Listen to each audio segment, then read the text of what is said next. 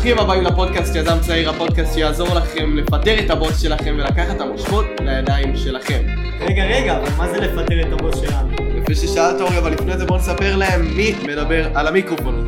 שלום לכולם, אני אורי פרידמן, מתעסק ב retail ומלמד איך חבר'ה צעירים יכולים להרוויח כסף טוב דרך ואני נאור חכמון, מתעסק ב dropshipping ואני עוזר לחבר'ה צעירים להפסיק למכור את הזמן שלהם בשביל כסף בעזרת הקמת חנויות אונליין. כפי שאתם רואים, לפני שנדבר על מה אנחנו הולכים לדבר בפודקאסט של היום, אנחנו כאן מתחת לסוכה, אורי. למה אנחנו מתחת לסוכה? שמע, אמרתי נעשה special סוכות. אוקיי. רגע, של מי הסוכה הזאת? שלמה פרידמן. טוב, טוב, אנחנו כאן מתחת לסוכה של פרידמן. אפשר לראות uh, שישבנו הרבה זמן, הרבה זמן על לחשוב איך אנחנו בעצם שמים את הכל, כל הציוד, דברים כאלה, כי הרי אין לנו פה איזה איש טכני, uh, אבל בסוף שמנו את זה, הסתדרנו יפה, ובואו נשים את זה בצד ונדבר ונגיד מזל טוב לאורי שקנה שעון חדש, שעון של טיסות, בוא תספר להם כמה הוא עלה. השעון עלה שלוש וחצי אלף שקל. שלוש וחצי אלף, רגע, למה סיפרת לי בכלל מה המחיר של השעון? מה זאת אומרת? הרי אותי חינכו שכשאתה קונה משהו יקר, או בכללי, דברים יקרים אתה אף פעם לא מספר את המחיר שלהם, לא מדברים על זה. אה, כאילו, בטח נגיד אה, הוצאת כסף מהארנק ואמא שלך אומרת לך ישר כן. אוי אוי אוי, תחזיר את הכסף שלא יראו. או שאני. יוצא עם כסף מהבית, והיא אומרת לי, למה אתה יוצא עם מזומן ככה? תשים את זה בבית, בכיס, בתוך כספת נעולה מתחת למה אתה לאדם. יוצא עם כל כך הרבה כסף? מהמם. אז זה נובע בעיקרון מתודעת חוסר. מה זאת אומרת? לא. תודעת חוסר זה בתכלס ההפך הגמור מתודעת שפע. כולם תופסים תודעת שפע בקטע של יש מספיק שפע לכולם, יש מספיק כסף, שזה אגב נכון, אבל מהמם. אני יותר מדייק את זה לקטע שלא משנה מה יקרה, אני יודע שאני יכול להמשיך להצליח. שגם אם אני אבזבז את השלושת אלפים וחצי אלף שקל האלה על השעון, אני יכול להמשיך להתקדם. כאילו תודעת חוסר זה קטע יותר הישרדותי. שאתה יותר אה, מחפש איך לחסוך את הכסף ופחות אתה משקיע בעצמך וככה אתה גם אוטומטית פחות מתקדם כי אתה כל הזמן במצב הישרדותי. מהמם. תגיד, אם היית, אם הייתי לוקח, בוא נגיד ככה, את אורי שלפני חמש שנים מהיום, נניח שהיה לך אותו תקציב באמת דברים כאלה, למרות שזה ככל נראה לא אפשרי, כנראה שהיית ילד אה, מוצלח ברמות, אבל הייתי שואל את אורי שלפני חמש שנים, כמה עלה השעון. נראה לך שהוא היה מספר? אני חושב שכן, אבל מצד שני לא הייתי מאפשר לעצמי לקנות שעון כזה לפני חמש שנים. אוקיי. אני אגיד לך מצד שני שאם אותי, אם תיקח את נאור של היום ותשים אותו בלפני חמש שנים, היית שואל אותי מה המחיר של משהו יקר או דברים כאלה, או למה אני יוצא עם מזומן מהבית, ולמה עם הרבה מזומן מהבית במקום איזה 50 שקל בכיס, בארנק, לא הייתי מספר לך את המחיר של מה שקניתי. ואני יכול להגיד שהדבר הזה נובע מהחינוך שקיבלתי בבית, כאילו, בבית מדברים איתך תמיד על לא לספר כמה ההורים מרוויחים, לא לספר כמה האחים מרוויחים, אה, ללכת בדרך הרגילה, כסף זה דבר שהוא אסור לדבר עליו, כי אנשים שעושים הרבה כסף הם, נוכלים ורמאים גדולים. נכון. עכשיו, שזה פתאום, לא נכון. יפה, פתאום כשבן אדם פותח את התיבה הקטנה הזאת שלה, אפשר להגיד ההתפתחות האישית, פותח את התיבה הקטנה הזאת של ההתפתחות האישית, הוא נחשף אשכרה לעולם שונה, וזה מה שאני קיבלתי באותו הרגע. נחשפתי לעולם שונה של למה, בוא נגיד ככה, גרנט קרדון, היה לך לשמוע עליו? כן, בקטנה ככה. מעולה. זה איש מכירות מאוד מפורסם. יש סרטון מפורסם שלו שהוא יושב אה, במטוס פרטי עם הבנים שלו ומתחיל לדבר איתם על כסף. מתחיל לעשות להם תרגילים ממש עם מזומן, אני אומר לך סטיפות של אלף, של אלפיים, ו- והוא נותן לילד כאילו את השטרות להחזיק אותם ביד. מטורף. אם היית נותן לי בגיל הזה, בגיל, אני חושב הם בני עשר, להחזיק סטפה של אלפיים דולר ביד, הי- כל היד רועדת ככה. היד שלי הייתה רועדת, הייתי משתגע. עכשיו, יש גרנט קרדון ויש אנשים שונים יותר. מה זאת אומרת? אני בעצם מוביל לשאלה של לאיזה אנשים, באמת, תגיד לי הכי אמיתי, לאיזה אנשים לדעתך יש תודעת חוסר? לאיזה סוג של אנשים? בעצם לחלק הפחות מצליח באוכלוסייה, לאלה שיותר עניים ויש להם. פחות כסף, מהסיבה הפשוטה שיש להם תודעת חוסר, הם מפחדים לדבר על כסף, הם מפחדים לראות איך הם יכולים להתקדם, הם לא מדברים על המשכורת שלהם. וזה דבר שמוביל לדבר. הבנתי. ואתה חושב שאנשים עשירים, עזוב עשירים, בעלי עסקים, בעלי חברות, יפחיד אותם לדבר על כסף, יפחיד אותם לדבר על כמה זה עולה? מה פתאום? הם כל היום מדברים בבית קפה על כמה מיליונים הם הרוויחו באותו בדיוק, הרגע. בדיוק, גם דיברנו על זה בפרקים הקודמים, על המכנה המשותף של אנשים מצליחים, שאנשים שאוהבים כסף, שאין להם בעיה לדבר על כסף. עכשיו זה, זה שלא יהיו לכם חברים שתדברו איתם על כמה כסף הרווחתם היום והם יגידו לכם די אחי ביחי, תשחרר אותנו מהכסף, זה לא מעניין אותנו. כן, כן, למרות שזה מאוד מעניין אותם, פשוט פוחדים לדבר על זה. יפה. מה שבאתי, באתי באמת לשאול, עכשיו מקשיב לנו אליהו הנביא, אוקיי, אליהו הנביא באמת אומר, אני לא מרוויח עכשיו הרבה, בוא נגיד ככה, הוא התחיל עסק, יש לו את ה... שלוש אלף, אלפיים בחודש, סתם דוגמה אני זורק, ו... והוא יגיד אוקיי, אני לא עשיר, זה אומר שאין לי תודעת שפע? לא, מה פתאום? אז איך מפתחים אותה? תודעת שפע לא קשור לכמה כסף יש לך בחשבון בנק, זה קשור לאיך אתה מתנהל ביום יום. מהמם, כמה אתה משתף על מה שאתה מרוויח, וכמה אתה מפחד לדבר על כסף, מהמם. כמה אתה מפרגן לאנשים אחרים. כן, יש גם שמרוויחים. חבר'ה שחושבים שאם הם ילמדו חבר'ה אחרים דברים, אז להם לא יהיה מקום להצליח. נכון. שזה בכלל לא נכון. נכון, נכון. תודעת שפע זה, זה בעצם היכולת ללכת עם סטפה של מזומן בכיס. זה היכולת לא לפחד לדבר על כסף. זה היכולת אה, לדבר על משכורות שאנשים מרוויחים. וזה היכולת גם לחשוב כבן אדם מצליח. אתה מסכים איתי? כי רוב האנשים שיהיה להם תודעת שפע, ועכשיו אפילו יש להם, בוא נגיד ככה, סתם נזרוק סכום שיש לרוב לילדים בגיל שלנו בבנק, שבע אלף.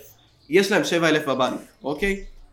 זה אנשים שאם הם בהתפתחות אישית והם לומדים על תודעת שפע, גם אם יהיה להם 7,000 בבנק, ככל הנראה בעתיד שלהם הם יתפתחו והם ידברו על כסף והם יאהבו כסף ויפתחו תודעת שפע ככה שזה לא משנה כמה יש להם עכשיו, זה משנה איך תודעת שפע עכשיו, המחשבה הזאת תעזור להם להיות מיליונרים בעתיד.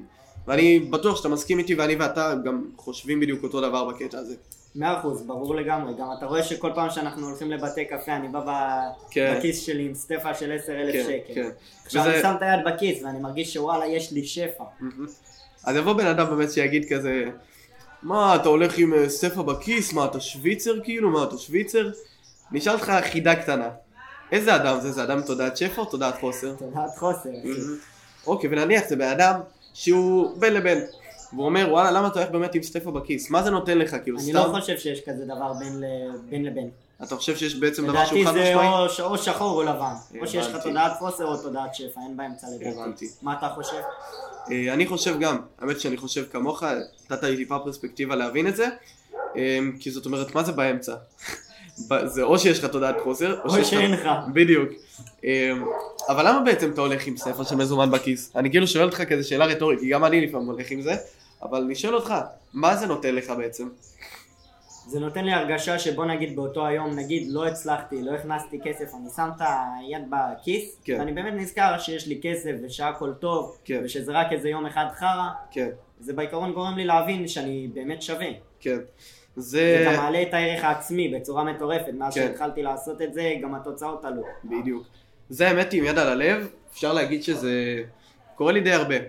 הקטע הזה של כאילו, סבבה, אתה מצליח לעלות וזה, אבל פתאום הקול הקטן הזה בראש שלך, כאילו, יום אחד לא התקדמת, אתה מבין? יום אחד לא דחפת את עצמך, יום אחד נתקעת במקום. זה גורם לי להרגיש כאילו, אולי אני ממוצע, אולי כזה עדיף להישאר רגיל והכל בסדר, אבל פתאום אתה מסתכל על שאר הסביבה של ילדים בגיל שלך, של אנשים בגיל שלך, אתה יכול להיות גם בן 50, ואתה אומר, תשמע, אני מעליהם, אבל אני פתאום יום יומיים לא בעלייה, שבוע לא בעלייה. זה גורם להרגיש איזו תחושה קטנה כזו, נכון? אז נניח שאתה באמת יוצא עם חברים או משהו גם והכל... להשוות את עצמך כל הזמן לאחרים, נכון. זה גם לדעתי קשור לתודעת חוסר. כן, כן. זה לא משהו שהרבה אנשים מצליחים עושים את זה ואומרים איזה באסה, אני לא כמוהו, דברים כאלה. נכון. כי אנשים מצליחים, יש להם פוקוס על המטרות שלהם, זאת אומרת, שמים את כולם בצד, כמו מין חומות כאלה, שמים את הכל בצד ומסתכלים רק על המטרה שלהם. מסכים איתי. אז בוא תספר לי באמת, איך אני, כבן אדם, בוא נגיד איך קראנו לו אליהו הנביא, עם 2,000 שקל בחשבון, יש לי תודעת חוסר, אבל אני כן מתחבר לדברים שאנחנו אומרים. איך אני מפתח תודעת שפע? מה השלב הראשון? יש לך איזה טיפ לתת לי? אז קודם כל, אם יש לך חברים שאתה מדבר איתם על כסף וזה לא מעניין אותם, תתרחק מהם. זה לא מקדם אותך בשום צורה שהיא. כן, סביבה, דיברנו על זה כבר. אוקיי. התרחקתי מהחברים שלי, הכל בסדר. אני אתן טיפ שלי, אוקיי? לי יש טיפ. כל העוקבים שיש לכם כרגע באינסטגרם ואתם לא באמת מחוברים איתם, דברים כאלה, לא באמת מכירים אותם, לא, לא הייתה לכם אפילו אינטראקציה אחת אית- איתם ואתם רוצים להתפתח, אתם רוצים ללכת במסלול שונה, תשימו עוקבים לאנשים כמו גרנט קרדון. אנשים שלא מפחדים לדבר על כסף, אנשים שמדברים על תודעת שפע וככה כמו שיש לנו חינוך בגיל צעיר המוח שלנו הוא כמו ספוג נכון שככל שאנחנו מתבגרים הוא נהיה קשה יותר אבל בגיל צעיר המוח שלנו הוא כמו ספוג תעקבו אחרי אנשים כאלה, יעלו סרטונים, תצרכו את התוכן שלהם ולא תוכן של אה, לא יודע, כל מיני חרא שיש בטיקטוק. אתם יכולים להסתכל גם שגם אני וגם נאור עוקבים רק אחרי אנשים כן. שהם משפיענים ברשת, נכון. שמדברים על הרבה כסף ויש להם תודעת שפע. נכון. והדבר הזה, אפשר להגיד בגרשיים, מחנך אותנו לתודעת שפע. כי אנחנו רואים אנשים אחרים בסביבה שלנו, אנשים מיליונרים, מדברים על תודעת שפע. זה גורם לנו אוטומטית להתחבר אליהם, בעיקר אם אנחנו אוהבים את זה. עכשיו, אתה יודע, יש משהו מאוד מצחיק, שעכשיו נזכרתי. יש המון אנשים, אתה יודע, לי ולך, מגיבים אה, תגובות בטיקטוק, יכול להיות שנאה, יכול להיות חיובי, טיקטוק זה פלטפורמה הזויה, באמת, יש לדעתי 90 פלטפורמה הכי בידורית שיש. כן, 90 אחוז הייטרים, כאילו לא משנה מה תעשה, אלא אם כן תצלם שאתה תורם כסף, אבל זה כבר נושא אחר. אה, מה שבאתי להגיד זה, ואז התגובות זה למה אתה מציין כן. שאתה תורם כסף. תמיד יהיה לאנשים מה להגיד, חבר'ה תיקחו את זה גם לחיים שלכם, גם כשתקנה פרארי, ישאלו אותך למה לא פורש, וטה טה טה טה טה, ככה זה עולה. וכן הלאה. כן, או שיגידו לך שאתה מנקר עיניים. טוב, רגע, סטינו מהנושא.